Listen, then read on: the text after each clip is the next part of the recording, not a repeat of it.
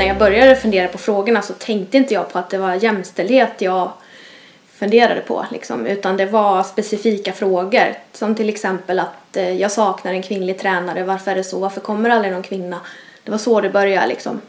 Och sen också att det var frågor som var kopplade till kvinnor liksom fysiologiskt så här, som jag saknade kunskap om. Till exempel under min graviditet var det väldigt eh, påtagligt. Liksom. Varför fanns det ingen bok? Varför fanns det, vem ska jag vända mig till?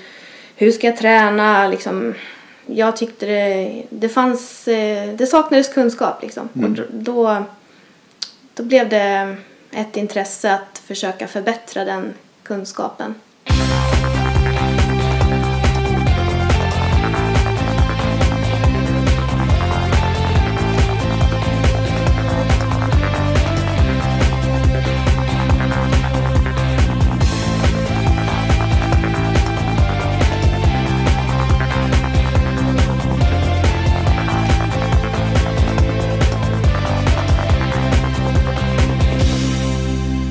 Hallå där! Varmt välkomna till ett nytt avsnitt av Radio O-ringen Podcast, nummer 83 i ordningen. Och i det här avsnittet så får ni möta Maria Rydqvist.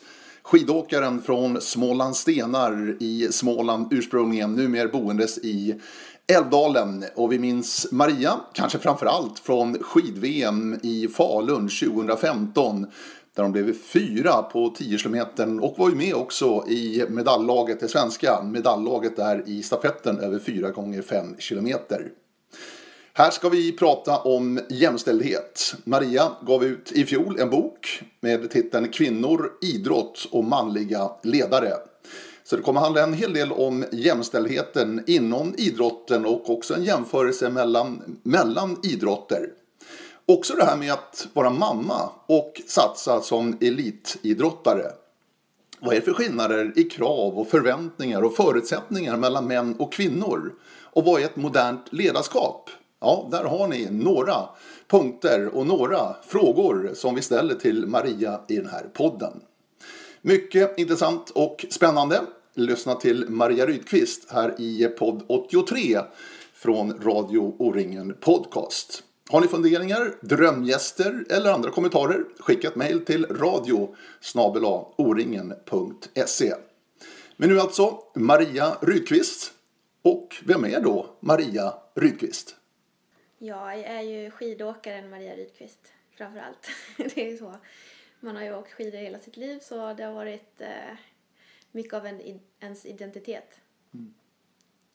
Vi träffas hemma hos dig här i Älvdalen. Ni håller på att flytta precis. Ja, mitt bland alla Flyttberget. Ja, vi har sovit sista natten i gamla huset och så ska vi sova första natten här nu i natt. I Älvdalen alltså. Men du kommer från Småland och Småland Stenar. Varför blev det skidor? Ja, det är lite märkligt men eh, vi höll ju på med många idrotter i familjen när jag var barn då. Och det var ju orientering, cykel, mountainbike, friidrott, eh, skidåkning. Och sen hade jag en storebror som eh, var väldigt aktiv och han började på skidgymnasium före mig och det kändes som han stakade ut vägen lite för mig också. För jag ville göra som han gjorde och, och skidåkning var väl det som passade mig bäst på något sätt. Så det var det som jag tyckte var roligast. Så vi, men det var ju mycket, väldigt mycket resor norrut. Vi får över kors och tvärs över landet. För förutsättningar för skidåkning i Småland Stenar på den tiden när du växte upp Maria, hur var de då?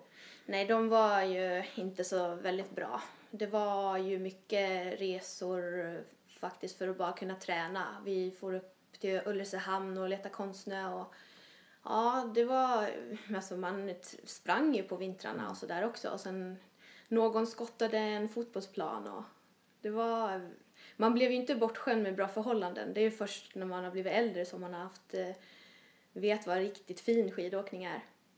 Men det kanske stärker en också som människa.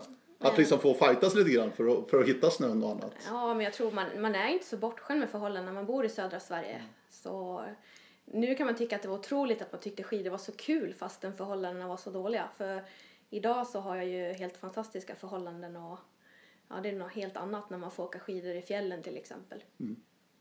Vi ska prata mycket skidor naturligtvis. Vi ska prata också om manligt och kvinnligt inom eh, inte bara skidvärlden utan idrottsvärlden i stort Maria. Där har ju du verkligen satt din prägel på, på debatten på mångt och mycket. Du har gett ut en bok som vi också ska prata om naturligtvis. Men du nämnde orientering där i OKV och hemma i Småland Stenar. Ja. Hur mycket orientering var det och sprang du någonting? Eh, jo, jag sprang orientering fram tills jag var 14 ungefär. Men jag... Eh, jag lärde mig nog aldrig orientera ordentligt. Det var... Det skulle hellre gå fort än rätt. Så jag hängde inte riktigt med i orienteringsmomentet. Så ibland kunde det gå jättebra. Men ofta så sprang man ju fel. Och, så när det blev svårare och svårare banor då tappade jag lite motivationen också. Men jag skulle nog haft, eh, ja, men lärt mig grunderna från början, haft mer tålamod. Och jag tror att man, man måste som orientera ganska mycket i den åldern också för att liksom hänga med på när banorna blir svårare. Jag hade ju konditionen liksom, men det blev nästan fel att man var, man ville att det skulle gå fort och jag ville ju vinna. Fast jag ju inte egentligen hade kanske tekniken för det. Men annars är det en ganska, eller var i alla fall, på min, jag är ju lite äldre än vad du är Maria, men på min tid så var det orientering på somrarna och så var det längdskidåkning på vintrarna. I alla fall för mig då som kommer från Stockholm. Men det där har kommit, det blir mindre och mindre sånt tror jag. Eller? Kanske är så, ja. Ja, lite osäker faktiskt. Men det var ju väldigt mycket orientering i OKV Vill där jag växte upp. Mer orientering än skidor egentligen. Men det är ju samtidigt mycket en familjesport och sådär och det blev väl att familjen, ja men vi var mer ute på skidor och då var det som svårt att hinna med och orienteringen också. finns en bra beröringspunkt till och det är ju familjen Leandersson, eller klanen Leandersson, där Ja. du är ingift Maria. Ja, precis. Jo men det är den starkaste kopplingen till orientering, att jag verkligen lever i en orienteringsfamilj då. Gift med Bengt. Ja, vi är sambos. Eller sambos, ja okej då, men ändå. Ja, ändå. Ja. Och han var ju en duktig skidorienterare Bengt framförallt. Ja, jo men så att jag ju, får ju följa med på en del orientering fortfarande. Och man får ju lite prestationsångest eftersom alla andra är så duktiga och själv så håller man inte riktigt den nivån. Det är kul när, när svärmor har varit ute och gjort trimorienteringskontroller och tycker att det är så lätt och så har man själv hittat hälften av kontrollerna bara. så ja, även det, det är mycket orientering runt omkring mig i alla fall. Mm. Vi har ju Jonas Leandersson som tog VM-guld i sprint då i Skottland 2015. Mm. Hur, hur är liksom den släkten, hur är det byggt liksom? Vad, Ja, vad är Jonas Jonas till dig? är mina barns kusin. Just det. Väldigt mycket äldre kusin då. Mm. Så det är min sambos brorson. Ja, precis. Mm. Så är det. Ja. Skidåkningen då, Maria? Du tog dina steg men känslan är att du har blivit bättre och bättre ju äldre du har blivit. Lite så är min känsla. Rent generellt. Ja, det tycker jag. Det har eh, varit eh, små steg framåt hela tiden. Och, så ja, det skulle jag säga. Vad är höjdpunkten om du tittar tillbaka på din karriär så här långt? Eh, jo, men eh, största upplevelse var ju VM i Falun. För att det gick på hemmaplan och för att det gick väldigt bra. Det, det är väl pricken över i för min karriär. Då var du i väldigt bra form. Ja, då var jag i fantastiskt bra form och det var härligt att få pricka in den så rätt. Och eh, ja, men jag kunde inte föreställa mig innan hur stor upplevelse det skulle vara att tävla på hemmaplan. Att, vilken skillnad det var att eh, åka ett VM eh, liksom, som gick så nära hemifrån. Att det var så många man kände som var där och hur mycket det gjorde för känslan. Och du eh, påverkas av det alltså som aktiv? Ja, men man gjorde det. Det var... Ja, man kände stödet från alla och man träffade ju alla där och det betydde väldigt mycket för eh, vilken feeling man hade hela den veckan. Så tröttheten blev inte lika påtaglig Nej. liksom? Nej, det var den inte. Nej, verkligen. Ja, häftigt. Du var ju med i eh, silverlaget Mm. i damstafetten. Ja, Fick åka den tredje sträckan var det väl? ja precis. Just det. Mm. Vad minns du av den där stafetten och vara med på det sättet och på hemmaplan och ta medalj? Ja, fantastisk stämning och ja, adrenalin och anspänning naturligtvis. Det... Ja. Du, hur går snacket innan en sån stafett? Ni i laget säger. Mm. Snackar man ihop sig mycket? Är man liksom ett Jo. lag verkligen? Ja, det tycker jag att man verkligen blir. Man, eh, prata mera inför loppen och taktik och stötta varandra inför en stafett. Så egentligen brukar jag tänka på det när vi kör stafett att så här borde vi göra inför alla tävlingar. För jag tycker man blir så otroligt stärkt av det.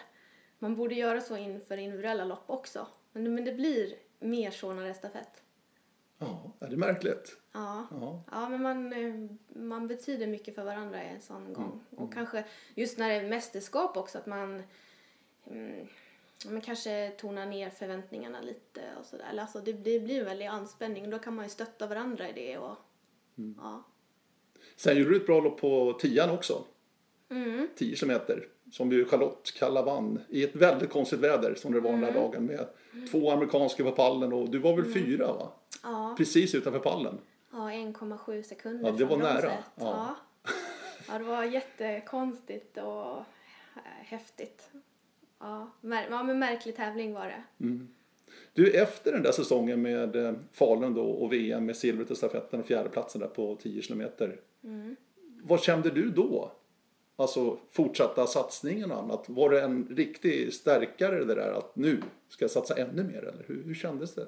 Ja, för innan hade jag nog kanske tänkt att jag skulle sluta efter VM. Men då fick jag en sån riktig boost att det var så himla roligt så jag ville ju uppleva det där mer och, och att jag kände att jag var på min topp och ville se om jag kanske kunde bli ännu bättre. Man, man vet ju aldrig vad toppen är och man vill inte sluta, man brukar säga att man ska sluta när man är på topp men man vet ju aldrig när den är. Så det är då dumt att sluta på topp egentligen för då kanske man tänker att man har lite till. Så jag tror man ska känna att man är klar och har nått toppen. Och, ja, så jag fick jättemycket motivation av, av VM. Mm. Mm. Eh, men förra året då, förra våren, då, då mm. deklarerade du ändå att äh, nu är det nog slut på min elitsatsning. Ja, precis, det gjorde jag. Ja. Ja, och jag var nog inte så säker som jag trodde att jag var.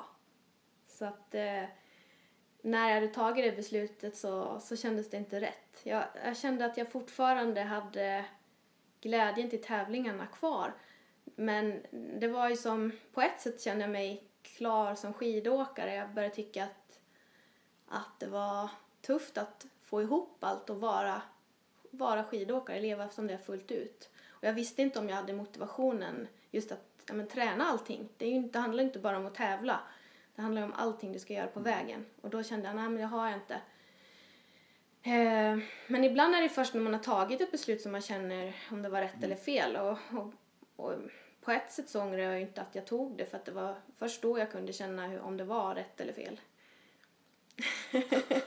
Fast det var ju en tuff period där liksom ja. att ha tagit ett beslut och sen nej, det var inte rätt. Men det är bra att man kan ändra sig. Mm, absolut.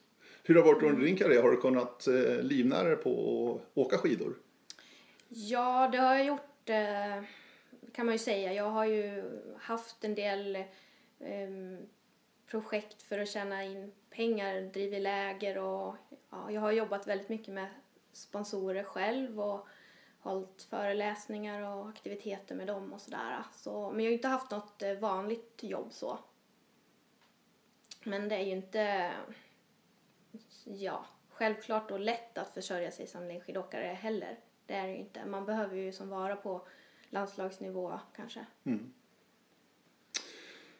Du eh, gav ut en bok, eller har gett ut en bok rättare sagt, under fjolåret. Ja, i uh, slutet på oktober. Slutet på oktober, ja, precis. Mm. Kvinnor, idrott och manliga ledare mm. är titeln på den här boken. Mm. Hur länge hade du gått och ruvat på det här att ge ut en bok med, med just det här ämnet, i det här ämnet?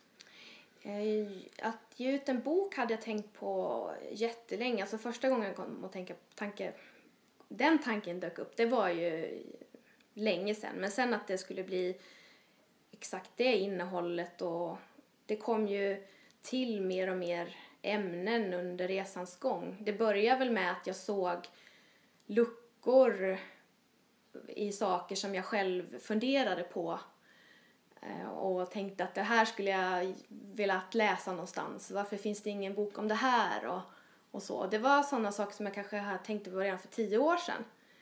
Och det blev mer och mer sådana saker. Så eh, sen när kommer tillfället att hinna mm. skriva en bok? Det kanske aldrig kommer. Så. Men sen så började jag i alla fall. Och det var ju för tre år sedan jag började skriva på den.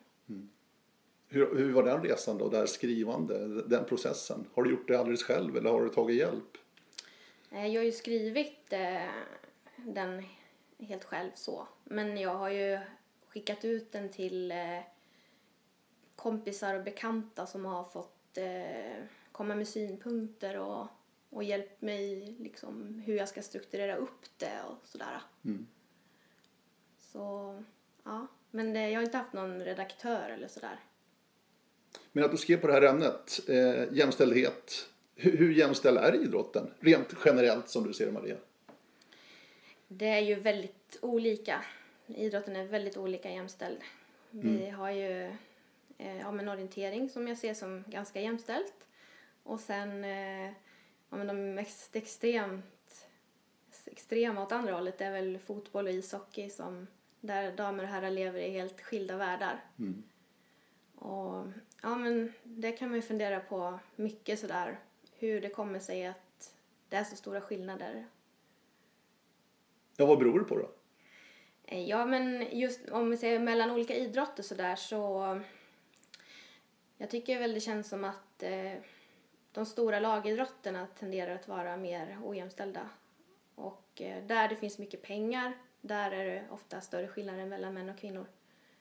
Och ja, kanske kan det vara att nya, nyare idrotter har, eh, är mer jämställda, men det, det är inte helt säkert att det finns sådana samband. Men individuella idrotter är ofta lite mer jämställda. Ja, det, Ja, det är svårt att Men generalisera alltså sen, kanske. ja, varför det är ojämställt från början, det, det har ju mycket med hur idrotten uppkom en gång i tiden och liksom, det är historien som ligger kvar och spökar. För hade vi börjat etablera alla de här idrotterna idag så hade de ju förmodligen varit mycket mer jämställda. Hade vi börjat spela fotboll nu så hade det inte funnits de skillnaderna. Och liksom, ja, men det är skillnader i vissa idrotter som man inte hittar på andra håll i samhället. Alltså att en, en manlig fotbollsspelare tjänar tio gånger mer. Det är ju så här absurda skillnader. Och det är, ja, det tar så lång tid att förändra det. Eh, vi kan ta en konkret sak innan vi kommer in på andra diskussioner kring det här. Eh, och det är ju distanserna inom längdskidåkningen. Där det fortfarande är ganska stor skillnad mellan det manliga programmet och det kvinnliga programmet. Både på världscuptävlingar och men framförallt på mästerskapen. Ja, Och det här har ju levat kvar under många, många år. ja precis. Ja, Där det- vet jag du har skjutit in dig Maria på att det, du tycker inte om det där. Nej, jag tycker det är märkligt att det är så stora skillnader. Vi åker ju ofta då hälften så långt som herrar. Det är ju, hälften är ju väldigt mycket kortare. Så det finns ju ingen logik i det. Om man säger fysiologiskt så åker kvinnor 10-15% långsammare. Men eh, de är ju, kvinnor är ju lika uthålliga som män. Så det, liksom, vi orkar ju li, hålla på lika länge. Och sen då, ja, i orientering om man börjar med liksom att samma tävlingstid. Ja. Och det, det finns ju liksom en logik i det sådär. Men inte att vi ska åka fem kilometer när herrarna åker tio då. Sen det kan ju vara liksom lite svårare att sätta just de riktlinjerna i längdskidåkning eftersom vi har liksom fasta distanser sådär. Det har man kanske inte riktigt i orientering. Alltså Nej, det är ju tiderna som styr. Det är tiderna, så då är det lättare så. Men, men eh, ja, det känns eh, märkligt att vi ska åka så mycket kortare. Känner du dig ensam med de här tankegångarna? Eller vad säger ni, alltså kvinnor, tjejer emellan? Ja, men det förekommer ju väldigt lite diskussion i det här. Det gör är det. därför jag har försökt att driva igång den debatten. För jag tycker det är konstigt att vi inte funderar på det. Och det har jag också funderat mycket på. Varför är det så här att man inte försöker förändra saker? Varför reflekterar man inte över de här skillnaderna? Och ja, jag vet inte. Man är så fokuserad på sitt när man är idrottare. Och man ska göra det bästa av situationen och prestera utifrån de förutsättningar som är. Och då finns inte något fokus på det andra. Alltså, Jag vet inte om, om det är så att idrotten ska vara opolitisk eller vad det är. Liksom. Att man inte, det finns ingen tradition över att liksom, försöka driva sådana frågor. Eh, en idrott som gått hela vägen under de senaste 20 åren det är ju friidrotten. Där är det ju exakt samma program förutom sjukamp, tiokamp som fortfarande är en skillnad faktiskt mellan kvinnor och damer. Eller kvinnor och herrar. Eh, men annars så springer de exakt samma distanser. Eh, rakt över på hela programmet. Så Ja, det är precis. identiskt program verkligen, alltså på friidrottssidan. Ja, kvinnor springer maraton och Ja, ja, ja. precis. Och det- Absolut. Men jag tänker skidvärlden, långloppskuppen. Ja, Där är det ju exakt samma bana för herrar och damer. precis. Tävling efter tävling. Ja, ja, och det går ju jättebra. Det går ju, ja, det går ju hur bra som helst. Ja, Men kan inte, alltså långloppscupen är en separat del av längdvärlden eller ja hur det funkar det väldigt, där? Jo, det är väldigt separerat faktiskt. Sen är ju inte långloppsvärlden någon föregångare i jämställdhet så, utan där finns ju andra problem och då skulle jag säga att den traditionella längdskidåkningen har kommit längre på många plan. Liksom. Det menar du? Ja, men det har ju levt kvar mycket längre i långloppsvärlden att det är olika prispengar för damer och herrar och det är fortfarande väldigt mycket mer herrar som åker långlopp. Och eh, det finns många långloppsteam för herrar men det finns eh, ett enda damteam. eh, och eh, det är, ja, men de här herrteamen är inte så intresserade av att ta in damer heller. Och sådär. Och det har blivit en väldigt manlig domän att åka långlopp. Och sådär. Det ser vi ju i Vasaloppet och vi ser det i liksom vanliga svenska långlopp sådär att det är det kan ju vara 95 procent män, nu pratar jag kanske motionsnivå då, alltså manliga motionärer och 5 procent kvinnor. Det är ju, funderar man på varför är det så? För kvinnor åker ju skidor men de är inte med på loppen, de tävlar inte. Du, du har ju själv eh, varit med i det här Team Ski Pro Am då som det heter, det här kvinnliga Mm. teamet som drivs av Olle Jörgen Wold i Idre. Ja. Eh, ser, ser de andra teamen lite ner på det här teamet bara för att det är bara kvinnor i det här teamet? Eller är det likställt? Nej, det gör de. Jag tror alla tycker att det är jättepositivt Ja. att vi finns och sådär. Men eh, det har ju varit svårt att få med, alltså det har inte varit fler som har startat igång eh, kvinnliga team då. Och eh, ja, det har inte funnits så stort intresse på, i de största teamen att eh, ta in damer helt enkelt. Och Ja. det gör ju att det är många fler manliga långloppsåkare som kan leva på sin skidåkning och leva professionellt än kvinnliga. Men sen har det varit svårt att locka eh, tjejer att börja med långlopp också. Mm. Och det tycker jag, det behöver man jobba med liksom. Man kan inte bara så här eh, konstatera att nej men tjejer vill inte åka långlopp. Man måste liksom kanske pusha på och fundera varför är det så? Mm. Men du som har haft en fot i, i bägge lägren den här vintern då, eh, både i världscupen, åkt för landslaget där och åkt långlopp. Mm. Hur är det med världscupåkare, de som åker världscupen bara då, om vi säger så? Mm.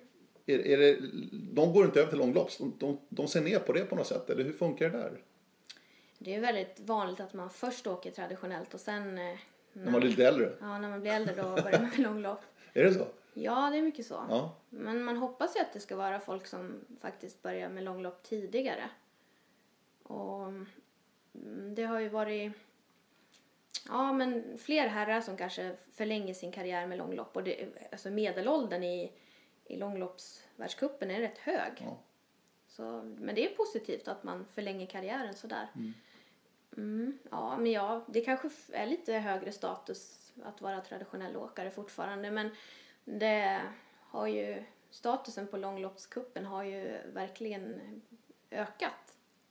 Så kan man hoppas att det fortsätter så. Eh, tillbaka till din bok där, Kvinnor, idrott och manliga ledare. Hur länge har du funderat på det här och brunnit för de här frågorna? Så att säga? Har det varit under hela din karriär liksom, du har funderat lite på, på sånt här? Varför det ser ut så här? För? Varför, Ja. varför, är det bara, varför är bara manliga ledare med på det här lägret? Och sådana Ja, saker. Är det ja. någonting du har... Jo, jo, jag började nog fundera på det för väldigt länge sedan. Ja. Men det har ju blivit mer utpräglat på senare år. Och jag, när jag började fundera på frågorna så tänkte inte jag på att det var jämställdhet jag funderade på. Liksom, utan det var specifika frågor. Som till exempel att eh, jag saknar en kvinnlig tränare. Varför är det så? Varför kommer aldrig någon kvinna? Det var så det började liksom. Och sen också att det var frågor som var kopplade till kvinnor liksom fysiologiskt så här, som jag saknade kunskap om. Till exempel under min graviditet var det väldigt eh, påtagligt. Liksom. Varför fanns det ingen bok? Varför fanns det, vem ska jag vända mig till? Hur ska jag träna? Liksom, jag tyckte det, det fanns, eh, det saknades kunskap liksom. Och då- då, då blev det ett intresse att försöka förbättra den kunskapen. Och under dina år då som skidåkare på hög nivå Maria, har, har det varit en, en tydlig brist på kvinnliga ledare? Ja, det har ju verkligen varit det. Jag har inte haft någon kvinnlig tränare sedan jag var åkte Kalanka Cup. Inte någon? Nej. Alltså, det har funnits någon, när jag gick på skidgymnasiet så fanns det ju en kvinnlig tränare och sen två. Men jag hade ju inte, som min personliga tränare hade jag inte någon kvinna. Så jag har inte haft någon personlig. Sen har det funnits kvinnor någonstans sådär. Men sen när jag kommit in i, i landslaget så har det ju inte funnits med någon kvinna alls. Så. Vad är din analys av att det ser ut, eller har sett ut så här och fortfarande ser ut så här att det är bara manliga ledare på landslagssidan? Ja, det är ett mönster som är svårt att bryta. Och som hänger ihop med, med flera olika saker. Och att det är extremt inom längdskidåkning. Ja, dels så tror jag det beror på att det har varit liksom arbetsvillkor som har attraherat män mer. Det är väldigt mycket resdagar och där kan det skilja sig lite grann från andra idrotter, kanske orientering. Att eh, vi har en mer omfattande världscup och landslagsverksamhet som kräver väldigt, alltså extrema arbetsförhållanden. Liksom. Mm. Och det är klart, det vill ju inte alla män heller vara med på, men det finns fler män då som kan tycka att de är okej, okay, de arbetsvillkoren. Och så länge ingen protesterar mot dem så, så fortsätter det så liksom. Och då har det varit svårt att få in någon kvinna. Och sen tror jag liksom att om det är bara män så det är ju svårt att, eller jag menar, vissa kvinnor bryr sig inte om hon kommer in som ensam kvinna i en manlig miljö men, men för de flesta är det ganska tufft.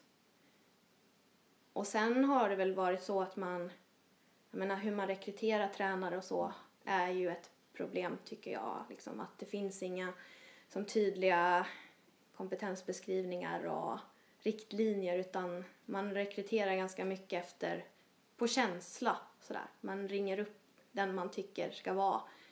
Man har ingen liksom annons ute. Nej. Och så, det borde ju vara en mer öppen rekrytering.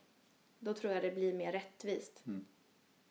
Du var inne på lite grann där, men vad, vad, vilka är de stora problemen i att det är bara manliga ledare för er då kvinnliga utövare?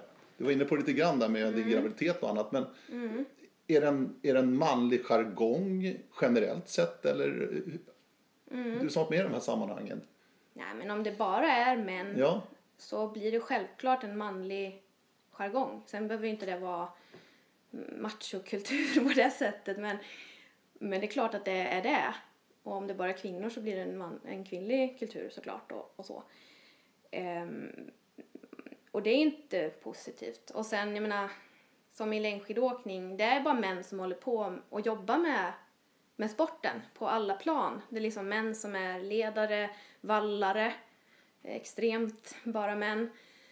Män som är säljare, speaker, tävlingsledare. Var finns eh, karriärvägarna för kvinnor? Då blir det liksom att när kvinnor slutar som idrottare då försvinner de från idrotten och det är ju tråkigt också. Eh, nej men sen tror jag att eh, om man inte har några kvinnliga förebilder inom, inom sporten så tror jag man, eh, man tappar liksom tjejer när de är aktiva också. Man känner sig kanske inte lika hemma och sådär. Sen tror jag att alla tjejer som idrottar har liksom anpassat sig på något sätt till den här miljön. Att vi, mm. vi fixar det rätt bra. Och det är ofta på ett omedvetet plan. Man vet kanske inte själv om hur mycket man har anpassat sig till det här. Men är det här någonting som ni pratar om? Det är bara manliga ledare. Var var, var är kvinnorna? Eh, alltså ni är aktiva? Nej, väldigt lite. Väldigt lite?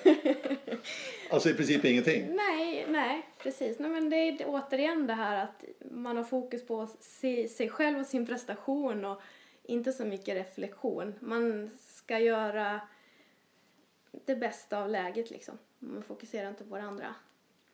Men nog finns det kvinnliga ledare. Är dörrarna stängda menar du liksom för att komma in i, i, det, i det här sällskapet? Mm, ja, ibland känns det lite så. Men ja, det, det har ju kommit in mer kvinnor på skidgymnasienivå, alltså på gymnasienivå då. Men sen är det som steget upp till landslagstränare, seniornivå, så Där ser man stora skillnader. Mm. Men ja, vi, det har ju varit extremt mycket så här inom, inom skidåkning och det tycks ju vara mer kvinnliga ledare i, i orientering. Jag tror man att man har börjat jobba med de här frågorna tidigare. Man har sett att det har varit viktigt. Och det har man inte gjort i, i skidåkning förrän nu. Och då är det lite sent. Hur, hur skulle du säga Maria att det här har påverkat dig då som aktiv, som människa? Att det har varit en sån här miljö? Eh, man, vissa situationer som man tycker att man kanske inte har blivit förstådd och sådär. Man, jag tror att man hade kunnat trivas bättre i vissa situationer. För fått mer förståelse. Jag tror, det där är ju väldigt olika hur olika tjejer upplever det. Vissa kommer tycka att det fungerar bra och vissa kommer tycka att det är problem. Väldigt olika. Eh, du, du har ju tagit några strider också, riktigt tydliga strider verkligen med, med förbundet i de här frågorna. Eh, Vi behöver inte gå in på några, några namn och så i, i och för sig. Alltså det, gå in och läs på Marias hemsida och hennes blogg. Det är enorma inlägg du gör där och mycket kommentarer också. Det är många som engagerar sig ändå i de här frågorna. Ja, det var det verkligen faktiskt. Mm. För du tog ett upp exempel, exempel, du har ju blivit avstängd, alltså tydligt avstängd Ja. för att vara med på vissa aktiviteter. ja, jag blev avstängd från ett läger i höstas. Ett landslagsläger. Mm. Beroende på att du hade någon, någonting med familjen att, att ta hand om först. Ja, de tyckte att jag eh, hade... Mm, ja... jag vet faktiskt inte riktigt. Men du missade någon samling va? Var det inte så? spelreglerna. Ja, Ja. jag hade gått, inte varit med på en samling för att jag ringde hem till mina barn. Och det fick väldiga konsekvenser. Ja, det, det gjorde det. Det blev en stor grej av det där. Och det tog ju hårt på mig. Och det var jobbigt den perioden. Så, jo men man har ju fått ta lite smällar. Väljer du dina strider eller det bara blir? Eh, ja, men den gången så var det nog så att det bara blev. Det var verkligen, eh, jag önskar att det inte hade behövt bli så. Och absolut, samtidigt så det är viktigt att stå upp för sig själv tycker jag och inte känna sig trampad på. Ibland är det ju lättare att inte säga någonting och det är ju. Det, det, det tar ju mycket mer energi att gå in i en konflikt. Så där får man göra en avvägning. Är det värt att ta den här striden? Och självklart så kommer jag i de ställningstagandena ibland, är det värt att ta den här striden? Och så. Och, men ibland är det ju det. Och så. Men sen så eh, ville jag ju inte att det skulle påverka min säsong. Så när säsongen började så försökte jag lägga locket på och tänka att om det inte är löst efter säsongen så får vi ta det då. För det här kommer ta alldeles för mycket energi och från mitt tävlande. Men det är inte helt enkelt heller. Det finns ju där, ligger där i, i bakhuvudet och pyr liksom. Vad får du för hjälp i de här lägena? Var, var hämtar du hjälp och kraft någonstans för att ändå ta dig igenom de här tuffa? Ja, det får ju stöd från vänner och familj. Så. Men man önskar att eh, det hade funnits någon instans att- att vända sig till som idrottare i de här frågorna. Det, man är ju ganska ensam som idrottare. Man hamnar nästan i ett maktunderläge kan man säga. För att det inte finns, alltså man är ju beroende av sina tränare och vad de beslutar. Så man skulle behöva ha någon person som stod utanför allting och kunde hantera, alltså som ett fack ungefär. I, I dagens läge nu då, du sitter efter säsongen här. Mm. Hur, hur är klimatet just nu då mellan dig och, och ledningen? Ehm, ja, jag vet inte. Jag har inte varit, jag har varit ifrån det nu ett tag. Så det har varit skönt. det förstår jag. Men du ger det inte Nej, jag, i de här frågorna? Nej, det gör jag väl inte. Jag tycker det är viktigt att ja, stå upp för det man tror på ändå. Och försöka utveckla idrotten till någonting bättre. Och det har liksom varit en av de här sakerna. Att jag vill att de som kommer efter mig ska få det, få det bra liksom. Och att tjejer ska våga stå upp för sig själva. Alltså det ska ju killar också göra. Men ibland kanske vi behöver lära oss det mer och våga det mer. Ser, ser, du någon, ser du någon ljusning att det kanske är på väg in kvinnor i, i längdlandslaget som vi pratar om här rent konkret? Finns det sådana öppningar tror du? Tror du att Jo, det du tror- håller på med här ändå, att ändå Jo, jag tror det. Jo. Många lyssnar ju och känner ändå att ja, Jo, mm, det kanske är väldigt manligt det här. Ja, jo det tror jag. Fast det, det kommer inte gå så här fort. Det gör inte det riktigt. Mm. Du, eh, under karriären din här så har ju du eh, fött två barn. Mm. Du är tvåbarnsmamma. Till att börja med, den fysiologiska aspekten på det här, som vi är inne på lite grann. Har du känt någon boost efter dina graviditeter och födslar? Alltså rent fysiologiskt, att du känner att oj, fick en liten kick här. Ehm, Det här pratar en del ja, om. jo absolut. Jag, den första säsongen efter att äldsta dottern föddes så hade jag en jättebra säsong. Och jag tänkte då, när jag var mitt uppe i den, att jag nog hade blivit bättre fysiskt. Men det finns ju inga tester eller någonting som visar någonting sånt. Och när jag ser på det så här efteråt så kan jag väl känna att ja, men jag har varit lika bra både före och efter och sådär. Så att jag kan inte se någon sån skillnad egentligen. Men eh, det gick ju ganska fort att komma tillbaka till eh, en hög nivå i förhållande till vad man hade kunnat träna under graviditeten. Så jag tycker att man, man kan bibehålla sin fysik väldigt bra. Sen liksom, det där är lite delat vad forskningen säger också. Vissa men, menar att det finns antydningar på att man eh, blir bättre och andra säger att nej, det gör det inte. Så det är liksom svårt att bevisa. Jag tror det är också individuellt. Så. Och sen har det väl varit olika saker. Jag tyckte att eh, just själva konditionen var lätt att behålla.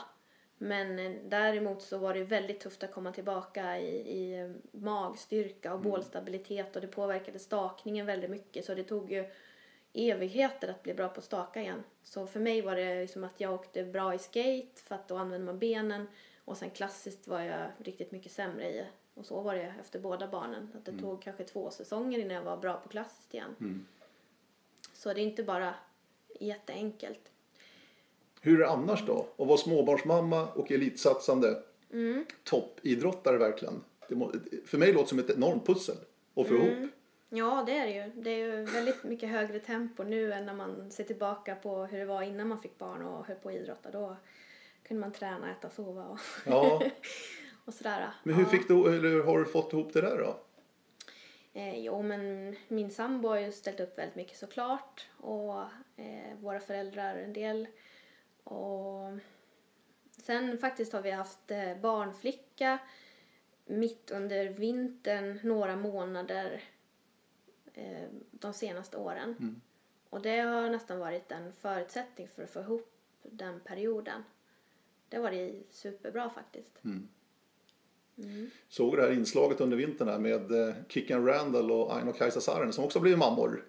Och nu är det typ av kindergarten under världscuptävlingarna. Ja, Hur ser du på den här utvecklingen? Ja, det är ju jättekul. Ja, Och jag tror de har varit väldigt viktiga för framtiden och utvecklingen. Liksom när det blir en sån stor stjärna som Marit till exempel som blir mamma då, då påskyndar det väldigt mycket. Anpassningen, liksom att förbättra förutsättningarna för kvinnor, det tror jag. och även gubbarna då där uppe i ledningen förstår att nu måste nog ta tag i det här. Ja, ja men precis. Så kan, de, de kan säkert inspirera andra att göra samma resa. Det har ju varit, eh, alltså jag har väl varit känt ganska ensam i det i Sverige inom skid, skidåkning så där har det inte varit någon annan kvinnlig skidåkare i landslaget som har haft barn. Så det hade jag önskat att det var fler. Det hade kanske underlättat på vissa plan sådär. Det har varit killar då som har haft barn. Så, men Men där är en tydlig skillnad. ja, det är väldigt skillnad. Eh, också vad gäller jämlikhet och allt annat. Att killarna som är pappor, Ja. men det blir inte samma får- ansvar någonstans, eller? Nej, men de fortsätter som förut. Som om ingenting har hänt, liksom. Ja, precis. De verkar se på lite annorlunda. Ja, men det märker man när man pratar med andra tjejer som inte har barn och sådär. Om de funderar på att få barn under idrottskarriären. Då ser många tjejer det som ett hinder att nej, men det går nog inte att kombinera. Det, nej, det skulle kännas kluvet och sådär. Och det, den föreställningen finns inte för killar riktigt att ja, men det går väl bra. Har väl en partner också. Sådär. Så det finns en väldig skillnad i hur man tänker och reflekterar över det. Hur annars då i den, i den här landslagsmiljön? Jag tänker på eh, hur pass strikt är allting? Är det väldigt reglerat allting? Eller hur, hur fri är man som en aktiv utövare i, i ett landslag?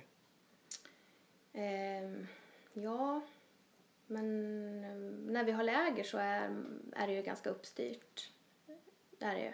Mm. Sen däremellan är det ju mer fritt. Och Men jag skulle säga att vi är... Det var många mobiler. Det är många mobiler. Ja, precis. Vi stänger av den här så är det lugnt. Så. Ja. Eh, ja, nej, men jag men tänkte just liksom- alltså, finns det utrymme för att skapa personliga lösningar så att säga för att alla ska kunna känna att de mår bra och att de trivs och, och kan leverera då i slutändan också, det vill säga prestera när det väl blir tävling. Mm, det- ja, jag tyckte att det har funnits där förut. Jag tycker det har funkat jättebra. Mm. Men det är väl det som jag tyckte var lite svårare det här, det här året då. Att det inte passade. Att det var, började bli för uppstyrt och sådär. Och ja, men liksom i ett lag sådär, vi individuella idrottare så vi har ju väldigt stor nytta av att hjälpa varandra och stötta varandra. Och det här tycker jag att vi har blivit bättre på mm, för varje år. Om jag jämför med när jag kom in i landslaget första åren och sådär så har jag liksom känt att vi har mycket bättre lagsammanhållning nu för tiden än vad vi hade förr och sådär. Sen till det här året så skulle man liksom jobba ännu mer med detta, att stärka lagsammanhållningen och, och det, det är positivt men det får inte liksom bli på man måste fortfarande känna att man får vara sig själv. Och det är ju väldigt olika var vi befinner oss i livet, alltså vår livssituation.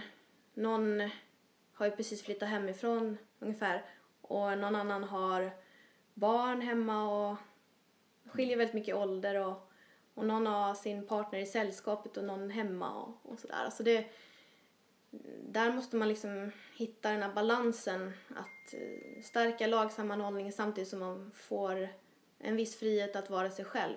Det ska ju inte vara en mental belastning att vara på läger så att man känner att ja, man har bara fått anpassa sig hela tiden. Så, så mm, det är utmaningen att skapa det, det laget så. Du, eh, tillbaka till boken här, Kvinnor, idrott och manliga ledare. Hur har responsen varit sen du släppte boken då i slutet på oktober, Maria? Ja, bra. Eh, mycket inom idrotten så då, såklart. Och, jo, det har känts som att eh, det här behovet av boken, den, den fyller en lucka. Och många av frågorna är aktuella och så har blivit mer och mer aktuella. Så d- den känns ju aktuell. Och nu är du ute då och då och föreläser Mm. under den här titeln och i de här ämnena ungefär alltså.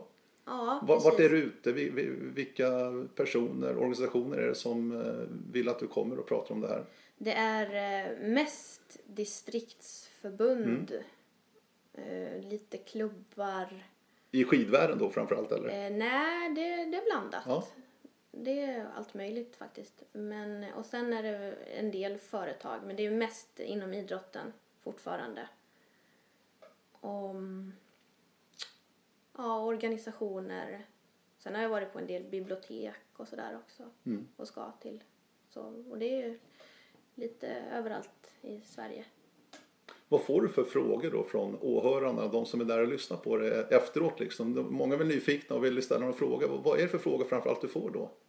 Mm, ja, det är lite liknande som, Som vi har pratat om här. Så. Ja, Ja. precis. Men jag drar ju mycket paralleller till längdskidåkningen såklart, för det är den jag kan bäst. Men jag försöker att liksom också att man ska applicera dem på, på både andra idrotter och utanför idrotten och samhället.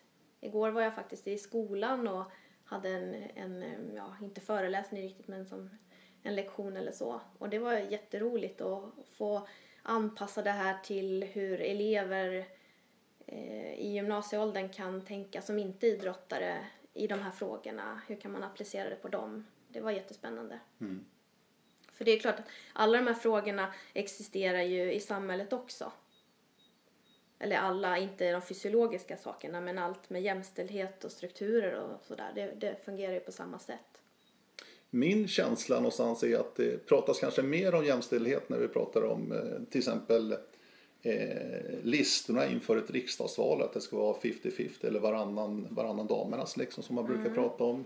Även bolagsstyrelser, alltså näringslivet, politiken. Idrotten pratas inte lika mycket om jämställdhet. I min känsla, jag vet inte vad, vad din känsla är. Mm, nej, det gör man ju inte. Nej, Det, Och idrotten vad- ligger lite efter på många... ganska långt efter känns det som i vissa lägen. Ja, ja, faktiskt. Den är som sin egen lilla värld som får sköta sig själv och här ska man inte blanda in politik. Nej, ja, så upplever jag det. Men i och med din bok här och dina tankar och allting här, det går att förändra. Det är du helt övertygad om. Men hur är vägen då fram till en förändring till exempel inom, in, inom längdskidorna? Ja, men det är mycket så här genom att göra folk medvetna om det så och diskutera det. Många saker är ju sånt som man inte har eh, reflekterat över. Och jag menar att man inte tar in kvinnor, det är ju inte så att man inte gillar kvinnor. Det är inte på ett medvetet plan. Utan man har inte ah, tänkt, jaha, är det viktigt? Jaha. Och du vet så här, och, och, och är det är det kvinnornas eget fel att de inte tar för sig, eh, att de inte vill och det är mycket som man avfärdar ju vissa diskussioner ganska lätt med att nej men de vill inte och tjejer vill, kvinnor vill inte åka Vasaloppet, de vill inte tävla och sådär. Och, och ja men är det verkligen sant? Man måste fråga, fundera lite mer. Så på sikt så kommer det ske en förändring. Mm, absolut. Och det, det blir ju såklart i takt med att förändringar sker i samhället också. Och ja, men det är också att fundera på sådär, vad är det som har gjort saker jämställda? Är det liksom satsningar från förbunden eller är det individerna själva eller är det samhällets utveckling och sådär? Mm. Och du kommer fortsätta jobba med det här. Ja, jag hoppas det. Ja, Det är, det är intressant och känns viktigt. Mm. du, eh, din skidkarriär då? Mm. Hur blir det med den framöver? Nu har du avslutat en säsong här precis. Ja, men jag har ju redan gjort mitt offentliggörande att jag ska sluta för ett år sedan så att eh, det blir ju inga fler offentliggöranden. Utan det får Du suger vi på dig se. själv, liksom. Det får vi se. Ja. Det visar sig. Ja. Men sagt var, långloppen är ju någonting man eh, kör upp i åldrarna och nu är inte du lastgammal, verkligen inte Maria, men ändå. Mm. Gillar du långloppen? Mm, det är roligt. Det. Ja, men jag har fått jobba lite med min stak. Jag har ju varit skatare så att eh, Ja. det är lite omställning. Ja, verkligen. Men det är kul. Jag, jag gillar att åka långt och det är eh, en rolig miljö tycker jag. Ja. Mm. Får komma ut och se lite trevliga platser också. Ja, Det är inte helt fel. absolut. Ja, verkligen. Du, eh, orienteringsmässigt då? Mm. Blir det någon trimorientering i sommar eller? Eh, alltså jag kommer säkert att komma ut på en del tävlingar. Nu är faktiskt eh, Vilda, vår äldsta dotter, hon börjar med orientering. Mm. Ja, hon är ju, fyller sju år så att det är ju lite än men, men eh, det finns ju i familjen så att det, blir säkert en hel del orientering och då blir det nog att jag kör någonting också. Ja, det låter trevligt. Mm. Eh, boken släpptes i slutet på oktober. Mm. Heter alltså Kvinnor, idrott och manliga ledare. För de som är sugna på den, var, var kan man hitta den och beställa den om man vill läsa mer om de här sakerna? Mm. Man kan eh, både köpa den från mig, från min hemsida, Mm. eller så kan man eh, beställa den på, i nätbokhandeln. Adlibris och Bokus. Och, Ja, den finns där också. Den finns lite, över, Ja, finns det är trevligt. lite överallt. Sen finns den ju i lokala bokhandlare, handeln också, ibland. Mm. För det här är ett ämne som kommer fortsätta att vara levande, jag är helt övertygad om det. Mm. Men det, som du säger, det, det tar tid att ändra, ändra strukturer. Mm, det gör det. det. Det blir så när det är ingen slump att det är som det är. Utan det beror på någonting och då, då, då tar det tid. Mm. Du, stort tack Maria Rydqvist Mm. för eh, att vara min gäst här på Radio O-ringen Podcast och ha en härlig sommar får jag väl säga också. Ja, men tack Ja. detsamma. Verkligen. Och eh, alla er andra, eh, hör gärna av er. Radio oringen.se med kommentarer, andra önskegäster kanske. Så hörs vi någon gång framöver. Hej då!